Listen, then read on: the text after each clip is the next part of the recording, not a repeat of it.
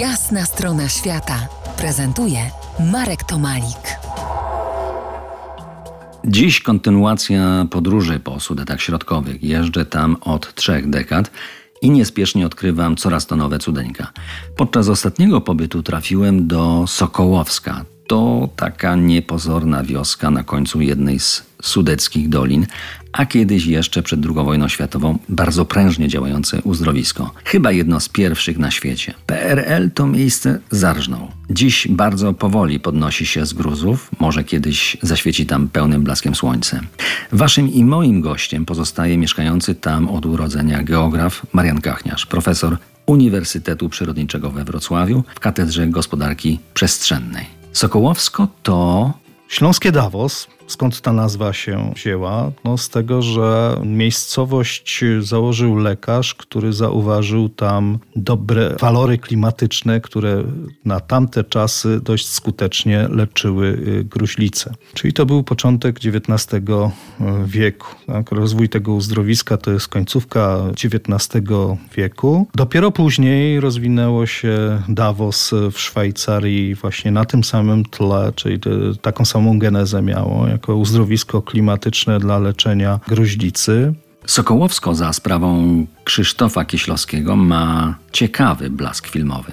W lipcu tego roku zakończyła się tam dziesiąta edycja festiwalu Umerz a Kieślowski hołdzie Kieślowskiemu.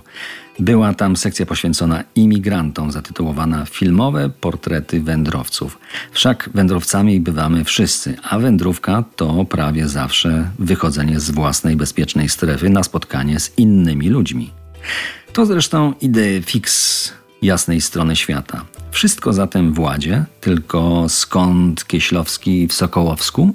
Tuż po wojnie, jeszcze jak Sokołowsko funkcjonowało jako uzdrowisko właśnie gruźlicze, a jego ojciec, który właśnie miał gruźlicę, no, był pensjonariuszem przez wiele, wiele miesięcy. I w związku z tym młody Kieślowski, który był jeszcze wtedy e, dzieckiem, no mieszkał tam z ojcem, cała rodzina mieszkała. I kino, które było w tym uzdrowisku, jak się okazuje, było pierwszym takim obiektem, czy, czy być może inaczej należy określić, że po prostu obserwując filmy w tym kinie Kieślowski zaraził się w ogóle tą dziedziną sztuki. Zaraził się dość specyficznie, jak powiadają jeszcze pamiętający tamte czasy, gdyż y, nie poprzez to, że kupywał bilety i zasiadał na sali kinowej, tylko przez okienko tam z boku podpatrywał jako dzieciak tak, projekcje różnych y, filmów. Być może stąd właśnie wzięła się miłość do, do filmu.